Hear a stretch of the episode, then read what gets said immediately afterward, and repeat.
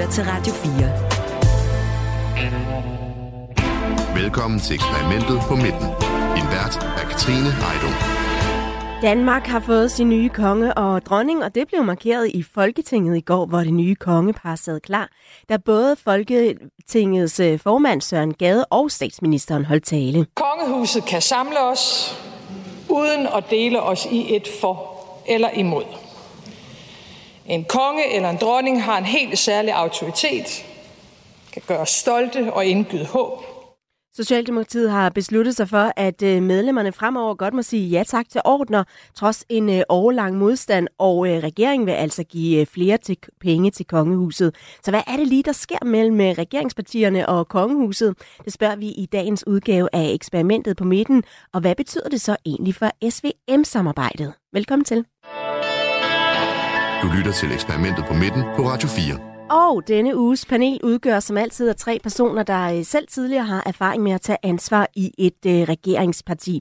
Velkommen til, Manu Seren. Tak skal du have tidligere radikal minister, nu blandt andet øh, forfatter. Også velkommen til dig, Jens Rode, tidligere øh, folketingsmedlem, primært for Venstre, men også en fortid hos øh, Kristendemokraterne Radikal, og nu formand for Dommerforeningen. Og velkommen til Anders Fransen, tidligere rådgiver for konservativ, blandt andet for Connie Hedegaard, da hun var klimaminister, og nu er du direktør i Dansk Skovforening.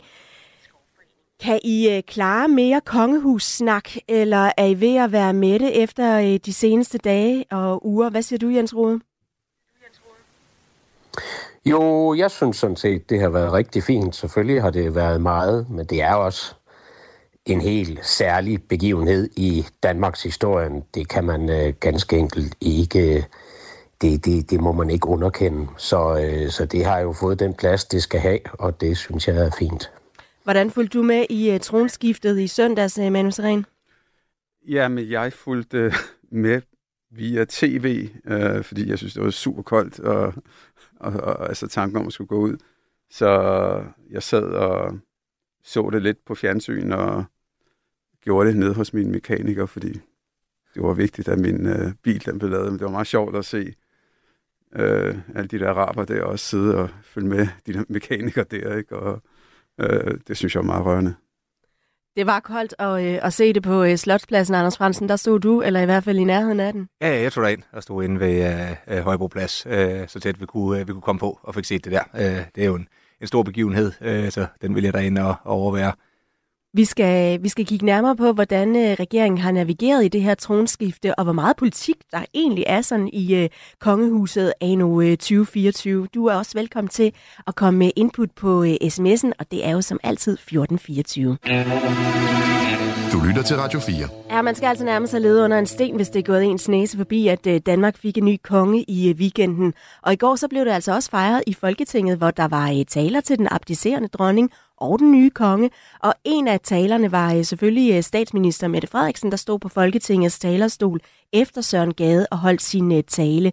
Men Seren, bed du mærke i noget særligt ved den her tale? Jamen, altså, jeg har ikke bidt mærke i noget specielt i den tale, øh, ud over hvis jeg sådan løfter mig og ser på Mette Frederiksen i det hele taget, omkring hele øh, det her tronskifte her, og hendes ageren i det. Øh, og der er ingen tvivl om, at øh, det er jo noget, hun går op i med, med liv og sjæl, ikke? Altså, og lige pludselig så skal Socialdemokraterne også til at tage, modtage ordner, og jeg, det er meget sjovt. Jeg tænker på sådan en grisehandler, om det er fra Matador der, ikke? Og Stavning og Larsen. Ja, Larsen der, ikke? Altså, de, der skulle nok vente sig lidt i deres grave, ikke? Uh, det, er jo, det, er jo, det er jo sådan en helt ny, uh, det er jo sådan en helt ny arena, og skulle, øh, og skulle øh, agere sig i, og, og jeg, der tror, jeg tror på den ene side, eller det ved jeg, fordi så godt kender jeg hende, at hun går selvfølgelig ind i det her 100 procent, fordi hun tror på det. Det kan man også høre på hende. Øh, hun er blevet royal lige pludselig også, ikke? Men man skal, ikke, man skal heller ikke underkende, hvor, hvor meget det også betyder at, at kunne stå der ved siden af de kongelige og stå øh, ude på den der balkon der i det der sindssyge historiske øjeblik, øh, som alle var vidne til i det her land her. øh, det er noget, der, altså, der er virkelig... Øh, øh, altså det, det, det er sådan noget, der giver 5-6 stjerner lige pludselig. Ikke? Det er noget, man går efter, og det, det synes jeg er interessant også. Øh, og selvfølgelig vil hun aldrig gøre det modsatte, fordi altså, der er så mange danskere, der også øh, er for øh, kongehuset. Så, og jeg tror selvfølgelig, at de to ting sagtens skal gå, gå hånd i hånd. Ikke? Så det, det er noget, man sådan sidder og, Øh, og hygger sig over. Og især set i lyset af, at de sidste par år, eller sidste års tid, ikke? Øh, halvandet to år, ikke? der har det, hun har stået øh, i skyggen af, det brændende øh, altså tæppe der, ikke? Altså øh, den platform, det har jo været corona, det har været mink, det har været øh, krigen i Ukraine, og, og, og her senest også Israel-Gaza også. Ikke? Så det der med at stå der, øh, det, det, det, det er meget betydningsfuldt. Hvor politisk øh, synes du, den her tale var, Jens Rode, som altså Mette Frederiksen holdt i, øh, i Folketinget i går? Ja, udover at hun jo selvfølgelig lige drillede Venstre lidt, så synes jeg jo ikke, at den var øh, politisk. Altså, øh, det, jeg, må, jeg må jo sige, at det piger jo faktisk min humor, at, at, øh, at, at man, altså ret beset, så i et moderne demokrati, så er sådan noget som kongehuse, det er jo sådan lidt en anachronisme. Men når Mette Frederiksen så fuldtonet går ind og støtter kongehuset og jo transformerer sig til at være fra at være den her tidligere republikaner til at være øh, fuldtonet øh, royalist, så er det jo fordi hun godt ved, at i Danmark, der er det jo en anachronisme at være politiker og være imod kongehuset. Nu så vi endda enhedslisten rejse sig op for kongen. Det havde jeg dog aldrig troet, at jeg skulle se i det danske øh, folketing. Øh, men et eller andet sted, så synes jeg faktisk, det er meget charmerende, fordi der er ikke ret meget, der samler os i det her øh, samfund. Øh, det, det, øh, øh, alting er så fragmenteret, øh, men kongehuset, det kan. Og øh, fra talerstolen, der sagde øh, Mette Frederiksen blandt andet sådan her. Vores fantastiske kongefamilie gør det så godt, at vi kan komme til at tage monarkiet for givet. Det er det ikke. Det står og falder med de mennesker, der løfter ansvaret. Og det hviler på en gensidig kontrakt mellem monarki og demokrati. Vi kan ikke øh, bare tage monarkiet for givet. Hvad signalerer Mette Frederiksen med det her udsagn i talen, Anders Fransen? Jamen, jeg synes, hun har jo... Altså, jeg tror ikke, der er nogen tvivl om, at hun har haft en enorm respekt for øh, dronning Margrethes øh, virke. Og skal man lave en eller anden form for parallel, så tror jeg lidt, man har oplevet det samme, Tony Blair havde omkring dronning Elizabeth i hele den øh, meget kritiske fase, der var for det britiske øh, kongehus, da øh, Lady Diana øh, døde i, øh, i bilulykken. Forståelsen for den opgave, dronningen havde prøvet at påtage sig med at holde sammen på et land, øh, skabe nogle rammer og en fælles forståelse, alt det, der ligger i at have et kongehus, der løber gennem, øh, øh gennem tusind år. Og jeg tror, at Tony Blair i hvert fald så en eller anden parallel til, til noget af det, han også ønskede i sit eget virke, selvom det selvfølgelig er på to fuldstændig forskellige platformer. Jeg tror, øh, Mette Frederiksen ser måske noget af det samme, og det har hun set hos, øh, øh, hos, øh, hos dronning Margrethe også. Jeg tror, hendes skifte i forhold til at gå fra øh, at være et parti, hvor man ikke vil tage mod øh, ordner, og hvor man øh, på den måde har haft en distance til kongehuset. Det er nok det første skridt i en retning, fordi hun gør det stadigvæk personafhængigt. Jeg synes jo ikke, det har så meget at gøre med at være royalist, som hun siger, at man godt kan lide den siddende regent. Royalist er for mig, og det tror jeg, det vil være for mange borgerlige mennesker, det er noget med, at det er institutionen, det er den kile ned gennem historien og alle de ting, der knytter sig til det.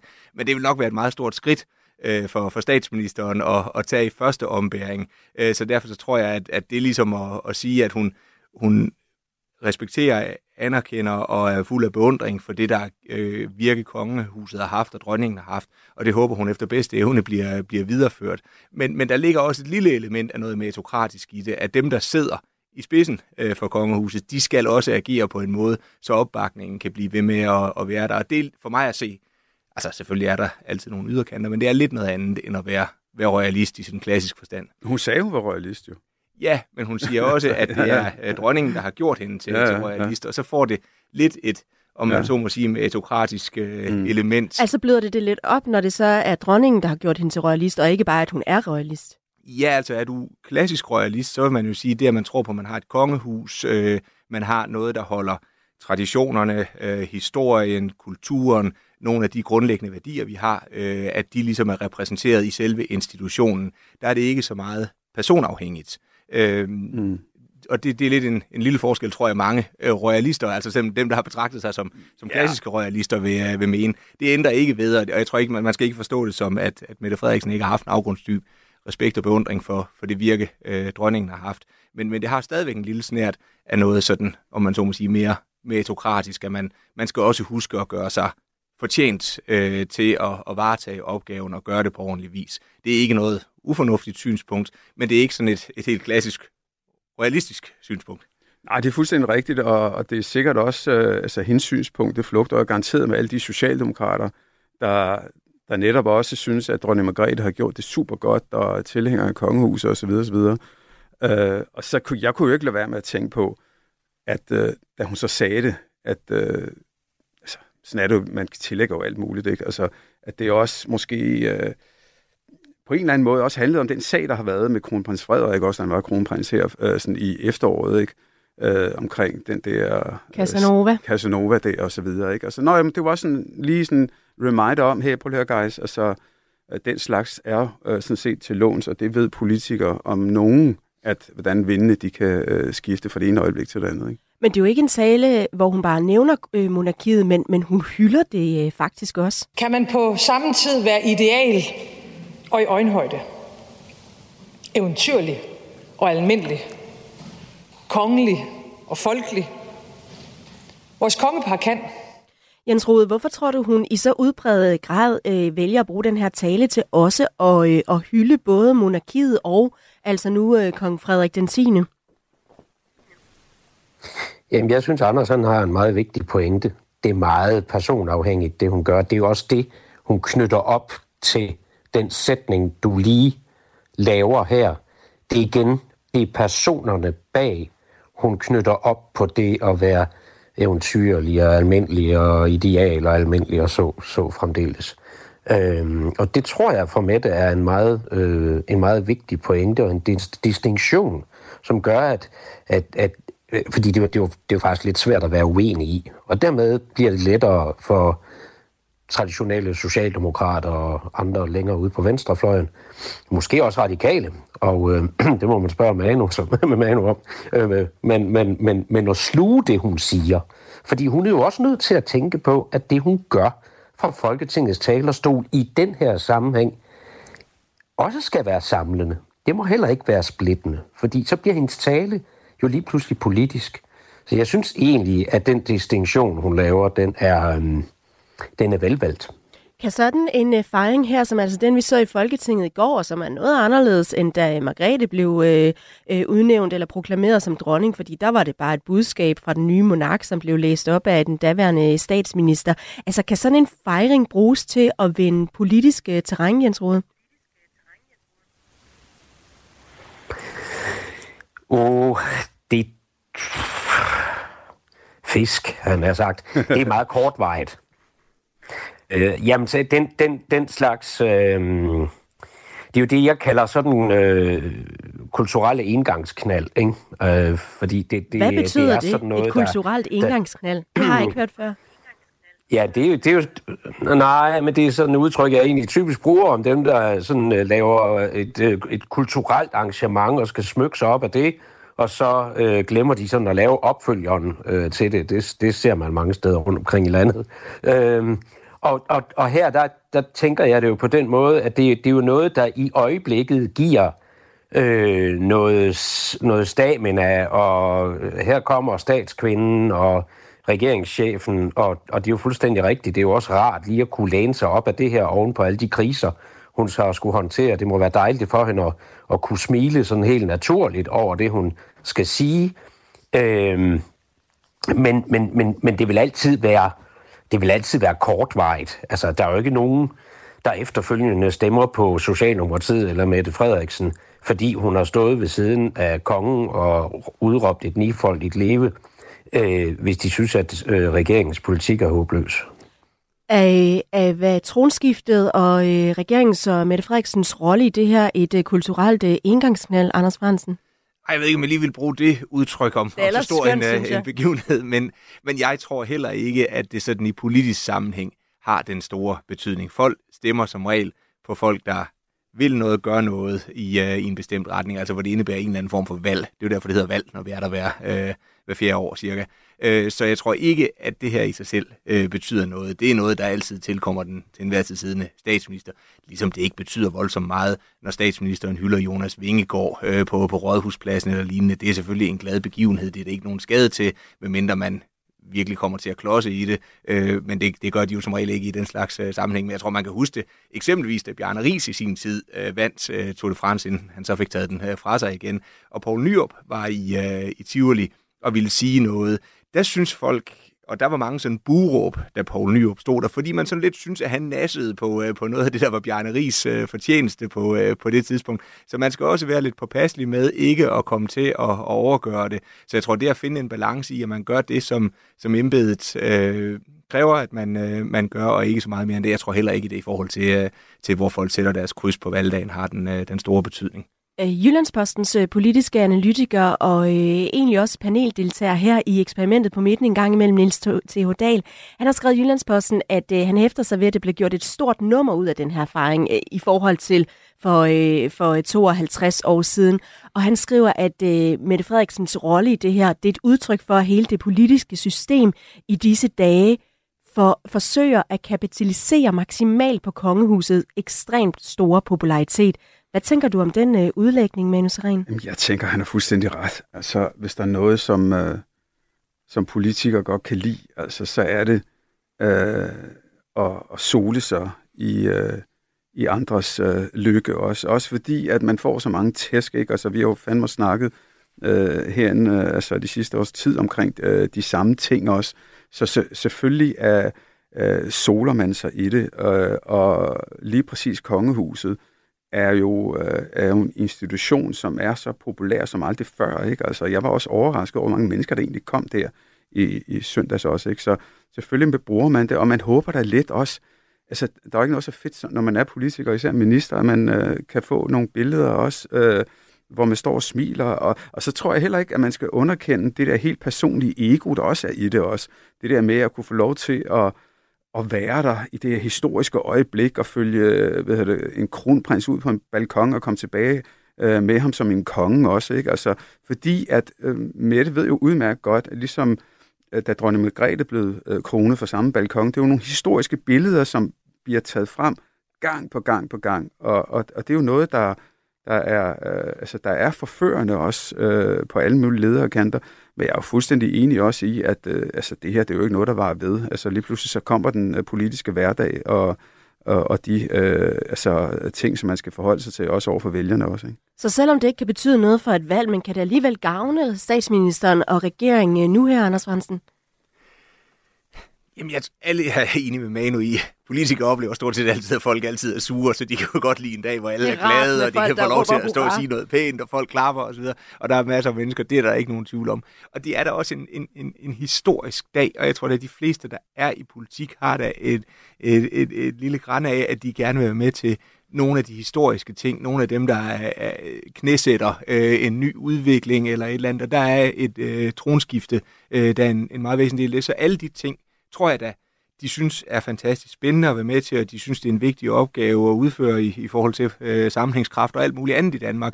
Øh, men om der er nogle vælgere, der om tre måneder øh, har låst deres kryds fast på Socialdemokratiet, frem for det parti, de tidligere stemte på, på grund af det her, det tror jeg ikke.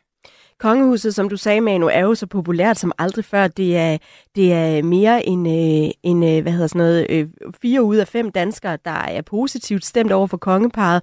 Og så øh, var der omkring 300.000 i de københavnske gader mm. i, øh, i søndags, og man regner med, at over 3 millioner som med i fjernsynet. Det er nogle helt vilde tal. Det er mere en masse ord det, det skal jeg ikke kunne sige, men det er i hvert fald nogle helt vilde tal. Jens Rode, at det er fuldstændig ufarligt for, øh, for øh, en regeringsleder at dyrke det her? Ja, det vil jeg rent faktisk mene, at det er. Og nu vil jeg godt lige, inden der går stråmand i det, øh, øh, lige slå fast, at jeg kunne ikke drømme om at kalde selve begivenheden for et øh, kulturelt engangsknald. Det er det jo overhovedet ikke. Øh, det er det jo det, det, det, når, jeg, når jeg bruger udtrykket, så er det fordi i politisk sammenhæng, så er det ikke sådan noget, at regeringen bagefter vil kunne bruge til at hæve deres meningsmålinger med. Og når vi når til valgdagen, så er der ikke nogen, der bruger eller tænker i de billeder i forhold øh, øh, til, til den virkelighed, der møder politikerne. Øh, det er i den kontekst, øh, den udtalelse skal ses i. Men, men, men ja, jeg mener, det er helt ufarligt at, øh, at, at, at, øh, at læne sig op af, af det her, og selvfølgelig gør øh, regeringen, og selvfølgelig gør statsministeren øh, det, og det synes jeg jo også, hun, øh, hun gør ganske glimrende, ikke mindst fordi hun magter den der distinktion, der faktisk gør, at det også er spiseligt for, for venstrefløjen i Danmark. Er det en øh, oprigtig øh, Mette Frederiksen, vi ser her, tror du, eller hvor tilrettelagt er det i virkeligheden, den øh, tilgang, hun har haft til det? Det virker på mig meget oprigtigt. Det må jeg, det må jeg sige. Hvis vi lige zoomer ind på, øh, på en del af regeringen, nemlig Socialdemokratiet, som jo altså også har lige været omkring, så kan man sige, at det, der har jo været en del op omkring det her med, at øh, partiet historisk set er republikansk, og man egentlig øh, øh ikke vil tage imod de her ordner fra kongehuset. Og øh, det er ikke mere end lige efter nytårstalen, at øh, Christian Rabia Madsen, som er politisk ordfører for partiet, blev forholdt det her med ordner. Han sagde, prøv at høre, det er ikke noget, vi kommer til. Og så gik der en uge tid, og så fik øh, pipen altså en anden lyd, og nu siger man, okay, det kan vi godt øh, tage imod. Øh, Manu Seren, hvorfor tror du, de bryder med den her overlange tradition i forhold til at sige nej tak? Først og fremmest, fordi de er mennesker, øh, og man også bliver forført af, af den... Øh, den festivitas altså den, øh, alt det glamourøse også. Ikke? Altså, jeg kan jo huske, at noget, faktisk noget af det, jeg fik at vide, der blev ringet op, og blev spurgt, om jeg ville være minister, det var, udover hvilket ministerium det skulle være, at øh, vi, vi ikke tager imod ordner, og det var, jeg havde det sådan, nej, okay, selvfølgelig. Og i radikale. Ja, ja, whatever, ikke? Altså, men jeg må da indrømme, at som tiden gik, ikke, altså, så tænkte jeg, oh, fuck man, det kunne sgu da fedt at komme med sådan bare en lille medalje, ikke? Eller blive kaldt kommandør. Nå, mester, det gjorde jeg. jeg kan du huske, jeg snakkede med min departementschef om det, ikke? og han sagde, at det kunne han da sagtens ordne, fordi det handler om, at man øh, går i kommunikation med kongehuset, men som han også lige mindede mig om, at øh, jeg skal måske lige have styr på mit bagland også, det radikale bagland, inden jeg tog det skridt. Og der lukkede jeg i, men altså, det, det ville jeg da gerne, ikke? og det var også røvsygt at komme op til alle de der galamiddage, og alle andre havde alle mulige mærkelige ting på, ikke? så kommer man bare der uden noget. Så jeg tror, at man selvfølgelig bliver man forført, og jeg er ikke et sekund i tvivl om, at Mette Frederiksen også, øh, hun mener det virkelig, og, og det er en øh, ny tid, og, jeg, og igen, hun vil jo ikke gøre det. Det tror jeg ikke øh, en fis på, hvis øh, der ikke var øh, altså den kæmpe, kæmpe, kæmpe store opbakning øh, i befolkningen, og så tror jeg, hun har tænkt sig om en ekstra gang. Vi skal lige høre et uh, klip mere fra talen, fordi der grænskede Mette Frederiksen altså også lidt uh, Socialdemokratiets republikanske rødder i, uh, i den her tale i går. Hvorfor benyttede Stavning ikke påskekrisen til at afsætte kongen? Var der nogen, der spurgte om dengang i 1920.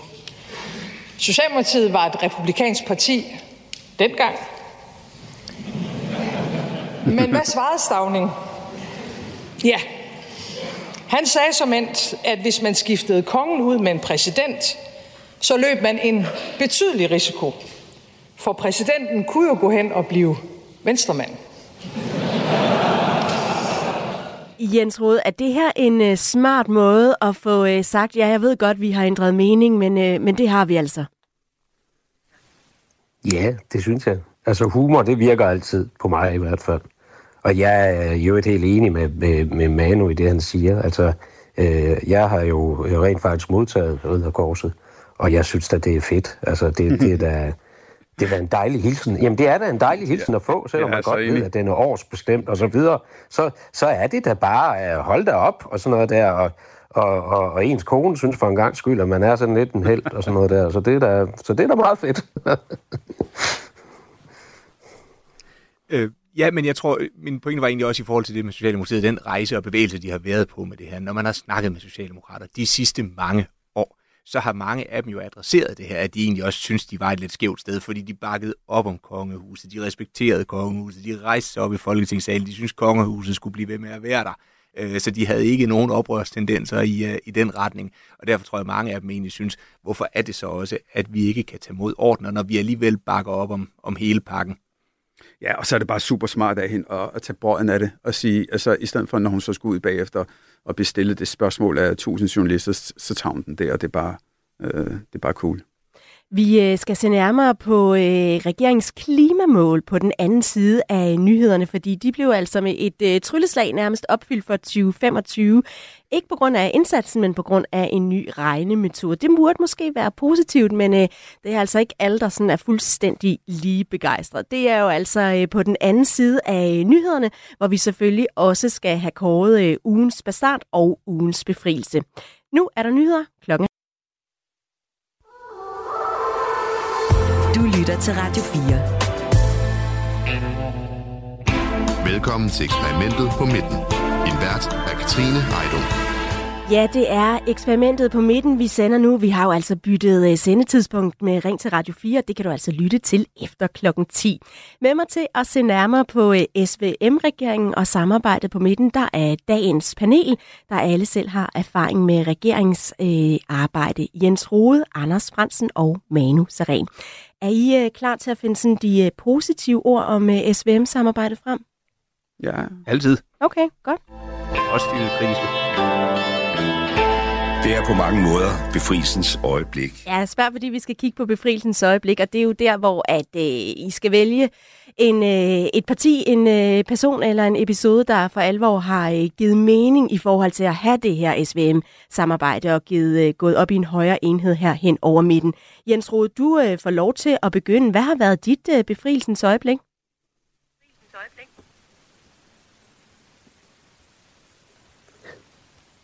Den må næsten være med den tavshed, der er, det må næsten være mig, du spørger. Jamen, det men, er det men også, der Jens. var lige et hul ja, i forbindelsen. Okay, jeg vil bare høre, hvad dit befrielsens øjeblik har været. Jamen, jeg vil jo... Øh, jeg vil tage noget, som, som mange måske vil tolke som øh, ugens bastard øh, i stedet for, men, men, men, øh, men jeg er jo øh, jeg er jo federalist og øh, helhjertet europæer. Så da øh, Charles Michel, der er formand for det europæiske råd, meddelte, at han ikke øh, ønsker at fortsætte som formand for det europæiske råd, men vil opstille til Europaparlamentet, så er der lige pludselig mange ligninger, der øh, går op i forhold til det puslespil, hvor øh, posterne skal øh, fordeles. Og øh, jeg synes jo, det ville være fantastisk, hvis øh, vores øh, statsminister bliver en af Øh, Øh, kommer til at bestride en af de øh, store poster i Europa. Og jeg mener, at øh, posten i som formand for det europæiske råd, den øh, ligger lige til højrebenet for Mette Frederiksen, fordi vi skal have en socialdemokrat på den post. Det er meget sandsynligt, at vi får en Charles Michel som formand for parlamentet. Han er liberal. Vi får Ursula von der Leyen som formand for kommissionen. Må ikke vi får en østeuropæer jeg tænker på Kaja Kallas, den estiske premierminister, som generalsekretær i NATO, og så skal vi ind og kigge på øh, formanden for det europæiske råd. Der er ikke ret mange socialdemokratiske regeringer i Europa. Så må ikke øh, Mette Frederiksen har en øh, passende chance for med den melding at øh, få en forfremmelse i øh, politik, det tror jeg. Hvordan kan det være befrielsens øjeblik for øh, regeringen på midten, at Mette Frederiksen øh, måske skal et andet sted hen, Jens Rode? Hvis man slipper ud. Jamen, ja, hvis ikke der er en vej ud, så må man finde en vej ind. Jamen, jeg synes, jo, jeg, jeg synes jo bare, det er en... Øh, altså, i mine øjne er det, en, øh, er, er det, er det jo en, en, en, en, en, en blåstempling, en, en kado øh, til, en, øh, til, til en dansk statsminister, og, øh, og regeringen kan simpelthen fint fortsætte efterfølgende. Jeg synes, det er... Øh, Altså, øh, jeg, jeg, jeg synes, man skal se det med positive briller, og derfor vælger jeg ikke at betragte det som en bastard, som nok langt de fleste vil, fordi der selvfølgelig kommer en masse snak om nu, om Mette Frederiksen er på vej væk, og det kan selvfølgelig godt blive, skal vi sige, vanskeligt for regeringen at agere i i det kommende halve, halve år. Men på den lange bane, jeg synes, det er fantastisk, hvis det øh, viser sig at, øh, at holde stik. Manu Seren, hvad har været dit øh, befrielsens øjeblik?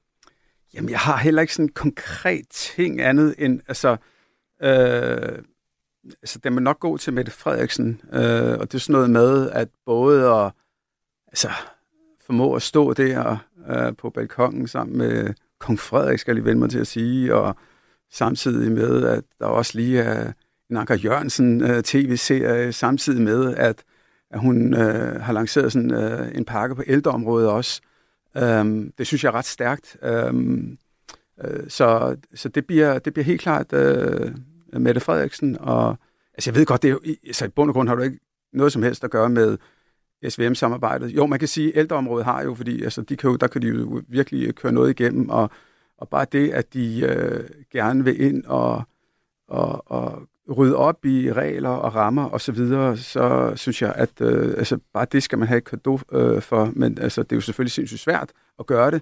Jeg har selv været ældreminister også, og ved, øh, hvor, hvor svært det er, men, men øh, jeg synes, det er fedt, at de, de går ind og, og, og vil gøre det.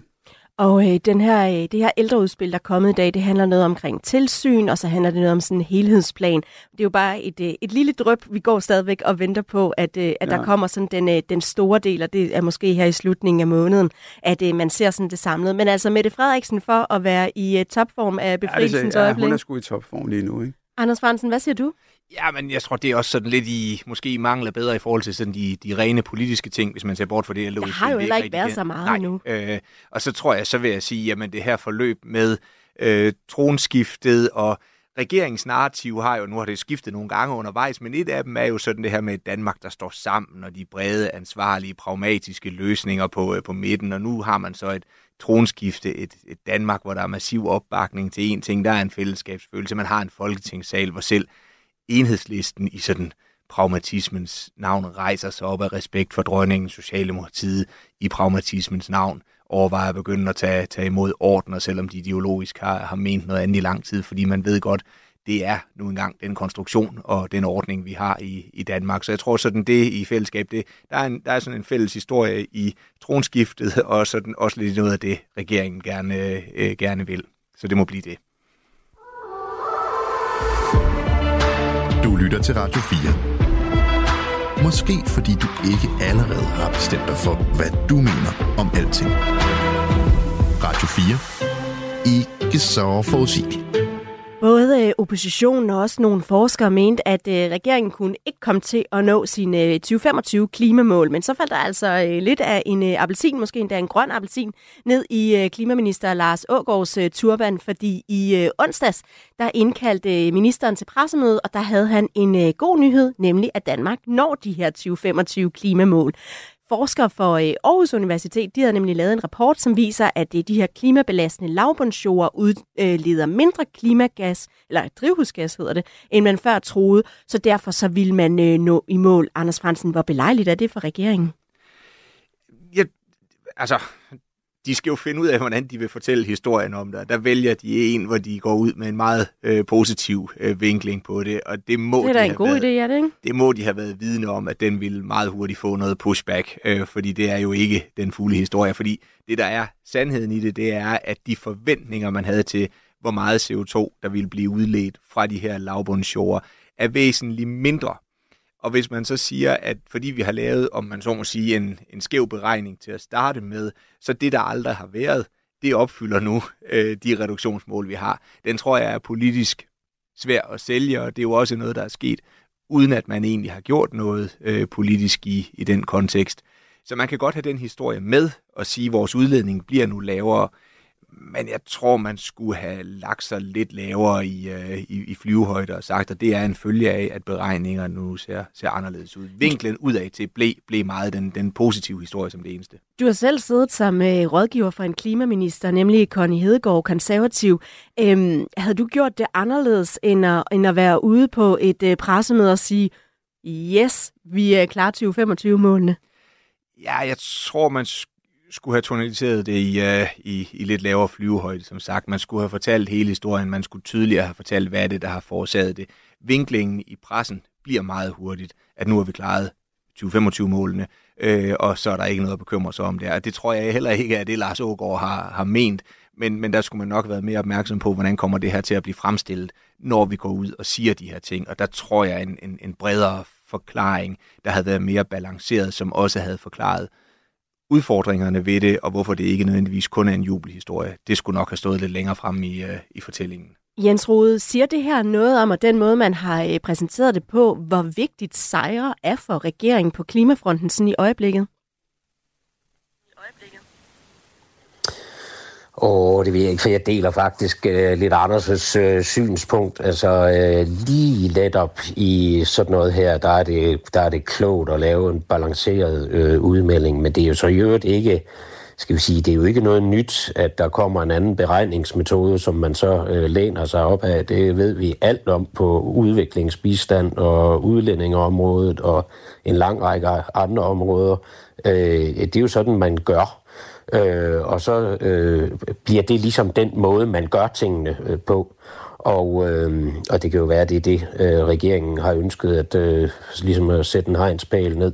Øh, det skal jeg ikke kunne sige, men det er klart, at den bliver jo betvivlet øh, udad til, og, og, og, og jeg vil næsten sige, uanset hvilken regering der sidder, så vil den jo... Øh, det, det, det, det er jo altid svært at have, skal vi sige, øh, øh på, på klimaområdet, at øh, overbevise folk om, at man gør tilstrækkeligt.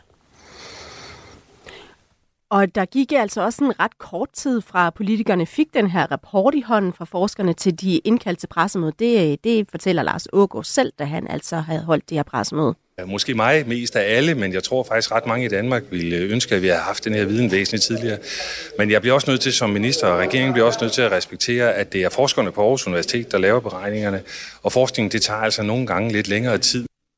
Altså, øh, selvom at det er forskerne, der laver beregning, så er det jo altså også nogle af dem, der så efterfølgende har været ude at sige, blandt andet en af forskerne, øh, Jørgen E. Olsen, har sagt til politikken, at det opgørelserne af de her udledninger afhænger ikke kun af arealer, men også hvor store udlændingerne er, og vi er på vej med nogle data, der viser, at udledningerne fra en stor del af arealerne er større end det, vi troede. Altså med andre ord siger de, at vi vil egentlig godt lige have, at man måske havde holdt hesten lidt og gjort det her på en anden måde. Er det gået for stærkt i Klimaministeriet, Manus Ren? Det er gået alt for stærkt, og det er jo ikke kun det, de sagde forskerne. De sagde også, måske skulle minister, ministeren lige have ringet til os først. Ikke?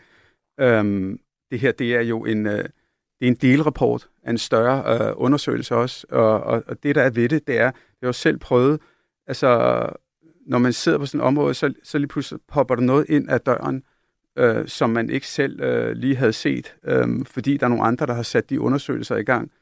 Og tit så er det også delundersøgelser, men man, man ser lige noget, der, der ser fedt ud, Øh, og så skal jeg lige hilse at sige også, som, som Jens også er inde på, altså klimaet er det sværeste at regne på. Altså det, det går, altså det, det er jo helt umuligt næsten. Men Man hvorfor går alligevel. Nå, det, det, der bare ved det, det er, han har været for hurtig, og han har bare tænkt, det her, det lyder fedt, vi skal ud med det, og det, øh, altså et, et, øh, et doorstep, det er også, øh, altså når tingene de er hurtige, og så øh, får man heller ikke alle mulige kritiske spørgsmål også, øh, og det har ramt den lige i hovedet. Øh, når, når selv afsenderne at rapporten går ud og siger, prøv at høre, I har været alt, alt for hurtige til at drage de konklusioner, især når man så siger, og det er jo der, hvor øh, hunden den er begravet, at nu, nu når vi 2025-målene. Det er lige, du laver en konklusion ud af noget, hvor du ikke kan lave en konklusion, så er det jo klart, så vender alle sig selvfølgelig, og nu skal ministeren i, i samråd også, og så videre. Det kunne godt have været en god sag, men øh, den er blevet alt det modsatte. Men hvorfor gør de det så? Fordi du siger, okay, man ser noget, der ser godt ud, og så går man ud med det, men han er jo, det er jo ikke bare Lars Ågaard, der sidder alene med det her. Det er også Jakob Jensen, som er fødevareminister, og begge deres hold af rådgivere og ja. embedsfolk omkring den. Mm. Hvorfor er der ikke nogen, der har sagt, Fordi det er sådan, som uh, Jens Rode også sagde før, og det kan jeg tydeligt huske på integrationsområdet også, der har du, du kan have den samme rapport, og der kunne du, der kunne du simpelthen udlede tal uh, på vidt forskellige måder. Og det er sket så mange gange også, og det er også det samme, der er sket her. Øh, og det er og selvfølgelig, altså, øh, altså, det er jo opportunt at, at gøre det også, og selvfølgelig gør han det, men det, der bare gør det hele meget værre for ham, det er jo alt andet lige, som jeg sagde før, at når dem, der har skrevet rapporten, de siger, prøv lige at have ro på, kammerat, du skulle måske lige have ringet til os før. Ikke? Og det er jo en godbid for journalister. Det kan man jo tage, man kan jo gnaske på det, for slet ikke at, at glemme oppositionen også, som tænker, fedt mand. Kan det så ende med at blive en rigtig trælsag for regeringen, det der egentlig skulle være en øh, vinderoverskrift, Anders Fransen? Jamen, jeg tror, at det her er ikke nogen nem sag for regeringen, og det er ikke nødvendigvis nogen øh, vindersag. Jeg tror ikke, at regeringen har været for, for hurtig med det her, når tallene ligger der. Og det er meget væsentlige tal i forhold til vores 2025-mål, og i forhold til de trepartsforhandlinger, der skal i gang, og Michael Svare, der jo sidder og skal lave den her rapport, der skal ligge til grund for det CO2-udspil, der skal laves på, øh, på landbrugsområdet, har også været ude at sige, at der er nogle udfordringer med de her landbrugsjord, eller med lavbundsjord.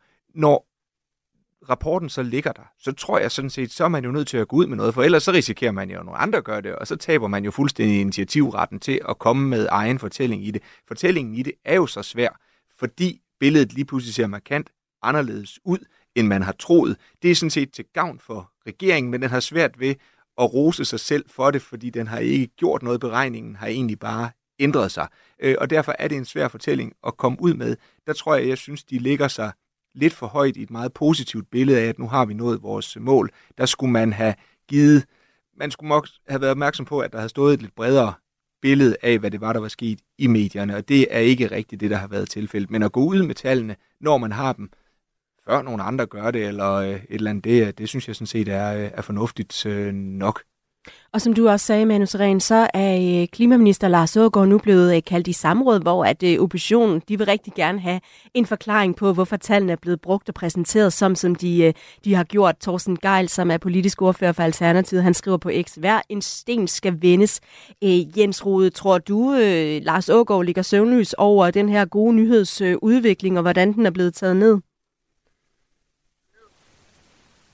Nej, det tror jeg faktisk ikke, han gør. Øh, hvis han gør, så, øh, så er det måske fordi, han ikke har prøvet øh, den der tur sådan øh, for alvor. Men det, det her, det er jo øh, fuldstændig efter bogen, som øh, dansk politik er, og vi ved jo også alle sammen, at øh, der, der bliver, specielt efter man indførte åbne samråd, øh, Øh, den slags var der ikke ret meget af, dengang jeg blev medlem af Folketinget, men da man indførte åbne samråd, så medførte det jo også, at der blev indkaldt til jeg ved ikke hvor mange samråd, øh, stort set hver eneste uge. Øh, og det her, det er bare en, en, en del af, en, af, en, af skal vi sige, et, et, øh, politisk spil, øh, som handler om kampen om virkeligheden. Og politik er jo meget en kamp øh, om virkeligheden. Og så må vi se, hvem der øh, slutligt øh, går ud som sejrherre i, øh, i den. Men, men lige netop fordi man måske har overgjort fortællingen lidt, så, så, så starter regeringen nok ikke på, skal vi sige, øh, foran oppositionen her. Og det er jo altså ikke første gang, at øh, klimaministeren og egentlig heller ikke regeringen får kritik for, hvordan de håndterer altså øh, klimadagsordenen. De, øh, de er blevet dumpet så lidt af Klimarådet, og de er blevet beskyldt for klimanøl.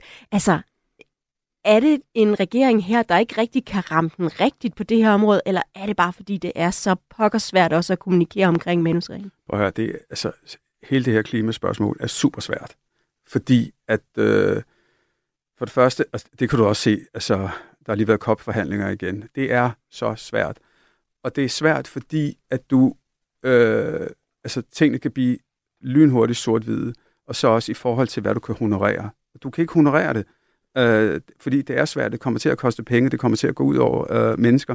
Og, og, og hver gang, så kommer der en... Øh, en oversvømmelse, der kommer en øh, regnskyld, der, kom, der kommer de der billeder der, ikke? Og det er det, man er, det, er det narrativ, man er oppe imod. Og det er bare sindssygt svært at, at, at, hvad hedder det, at, at komme med noget konkret også, fordi alle forskere og alt muligt andet, de er med mig hardcore også, ikke? fordi de er lynhurtigt til at sige, at det der det er ikke nok for at uh, hvad det, stoppe øh, jorden, den det går, går under. Ikke?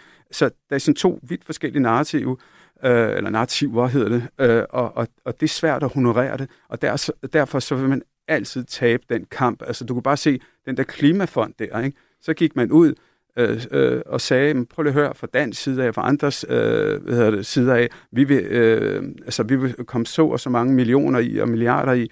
Hvad sker der? Der går ikke mere end tre sekunder, så kommer forskere og alle mulige andre ud, og klimaaktivister. Vi skal have 10.000 milliarder kroner. Så det, det, det er det er, altså, altså det, det, er en, det er en håbløs kamp, når man sidder der, øh, hvor Lars Ågaard og kompagni sidder. Men hvad gør al den her kritik så ved, øh, ved vælgernes tillid til altså den nuværende regering i forhold til at tage hånd om klimakrisen, Anders Brandsen?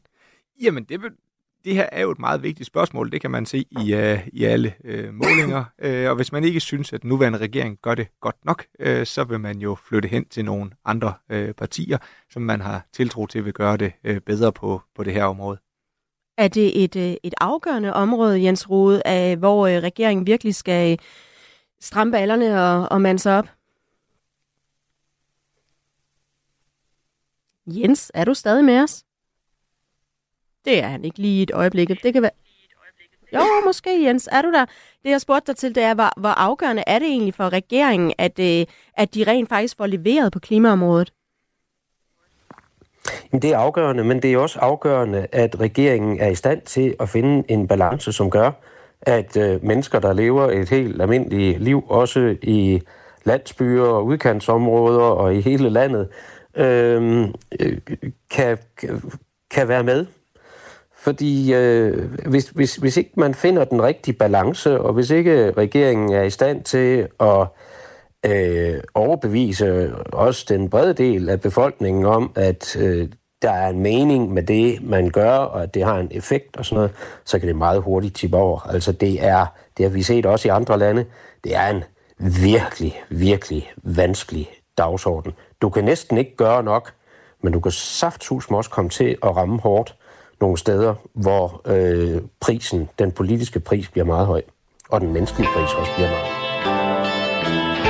Det er jo en bastardregering. Ja, vi skal også lige se på, hvor det faldet knap så heldigt ud for regeringen den øh, seneste uge. Altså, hvor er der riser i lakken? Hvor er vores øh, bastard? Anders Fransen, hvad har været ugens bastard for dig? Jamen, jeg tror, jeg synes, det har været sådan den frontændring, der måske er ved at ske i det parlamentariske spil med... Hvad betyder det? Jamen, det betyder, at øh, Pernille Vermund øh, kommunikerer i hvert fald, hun vil opløse, øh, opløse hvad hedder det, nye borgerlige, så må man øh, se, om det rent faktisk lykkes, eller om nogle andre prøver at køre partiet videre. Man gør det i hvert fald for os at sige, der er behov for, at vi danner en tættere falangs i, øh, i blå blok. Vi kan ikke have for mange øh, små partier. Det er jo en, et udtryk for, at man ligesom ser, hvis vi i Blå Blok på et eller andet tidspunkt skal bevæge os ind og få regeringsmagten igen, så er vi nødt til at øh, arbejde sammen på, på nye måder. Og der er jo også i, i Van Opslags, øh, Alex Van Opslags øh, øh, invitation til radikale med meldingen om, kom over og være med i, øh, i Blå Blok, og så må I give den gas på klimaet, tror jeg, hans, øh, hans formulering var og en Martin Lidegaard fra Radikale Venstre, der sådan nogenlunde åbent tager i, imod øh, en invitation til en eller anden form for, for dans på, øh, på det område. Det gør jo, at, at billedet rundt om regeringen måske begynder at, at ændre sig en, en smule, og det kan give nogle nye konstellationer efter et, øh, et folketingsvalg. Og det er jo det, der sker, fordi magten har en, en indre logik, og så regrupperer man for at finde ud af, hvordan kan man komme hen til, til magten. Så jeg tror, det må være, det, det er den nuværende regerings udfordring, det er, at de andre nu begynder at flytte sig rundt om dem, fordi man synes på nogle områder, de ikke har leveret nok. Hvad siger du, øh, Jens Rode? Hvad har været ugens bastard for dig? Jamen, jeg vil faktisk tage fat i ældres øh, udspillet, fordi det har noget at gøre med de indre magtbalancer og interne, skal vi sige, forhold i øh, regeringen. Altså, jeg har noteret mig, at Socialdemokratiet har sat sig fuldstændig helt og aldeles på et fælles udspil i regeringen. Ikke alene med øh, Mathias Tesfaye, som den, der går ud omkring løn til øh, øh, socioassistenter, når de er øh, under uddannelse, øh, men jo sådan set også ved, at de øh, klistrer landet til med øh, plakater og så videre på busstopstederne, og dermed fuldstændig tager ejerskabet af noget, som der sidder en ældre minister på, som ikke kommer fra Socialdemokratiet, men rent faktisk er øh, moderat, og som vi jo egentlig har siddet og ventet på i meget lang tid, og tænkt, hvad laver hun egentlig? Kommer der snart noget? Og så sætter Socialdemokratiet sig på det. Det kan godt øh, være kimen til nogle indre spændinger i øh, regeringen, hvis ikke man passer alvorligt på. Og Manu Seren, du får også lov til at komme med øh, ugens bastard. Ja, men jeg kan se, at tiden den er fremskreden, så jeg gør det kort. Det bliver helt klart øh, klimaministeren, altså det her øh, altså gå ud og sige, at man har nået de der 20-25 mål øh, på det øh, grundlag, det, er problematisk. Radio 4. Ikke så forudsigeligt. Du har ret, Manu Seren. Tiden den øh, iler afsted, og vi skal jo også nå, inden vi siger farvel og tak for i dag, at øh, kigge på, hvem der har klaret sig bedst i ugens løb, altså hvem har fået mest ud af det her regeringssamarbejde. Lad os lige tage en øh, stilling inden øh, her tre uger inden i øh, året. 5 point til Socialdemokratiet, 1 point til Venstre, 0 til Moderaterne. Manus Rehn, hvem skal have dagens point for dig? Jamen for første gang tror jeg, at min bold den øh, rører til Socialdemokratiet, øh, måske anden gang. Øh, og det er simpelthen øh, fordi, at øh, som jeg sagde, øh, de, er, altså, de har sat sig i førerfeltet, øh, synes jeg, med kroning og anker og ældre øh, område osv., så, videre, så de, de giver den maks gas nu.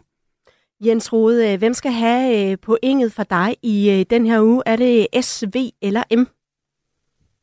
Ej, det er fuldstændig umuligt at komme udenom Socialdemokratiet. Det må man bare give dem. Anders Fransen, hvad siger du? Jamen, jeg siger også Socialdemokratiet, altså tronskiftet og, og hele øh, forløbet omkring det. Øh, det, er, det er jo selvfølgelig et, et stærkt og festligt mediebillede i en, i en hel uge. Men I har også sagt, at øh, det ikke er noget, der nødvendigvis flytter stemmer. Så hvorfor er det alligevel øh, Socialdemokratiet, der skal have pointet så? Nå, men de har været synlige. De har ikke gjort noget forkert i den sammenhæng, og øh, folk har været glade. Og jeg synes, der har ikke været nogen af de andre, der som sådan, af de to andre partier, Moderaterne eller Venstre, der har haft noget den seneste uge, der kan konkurrere med, øh, med det.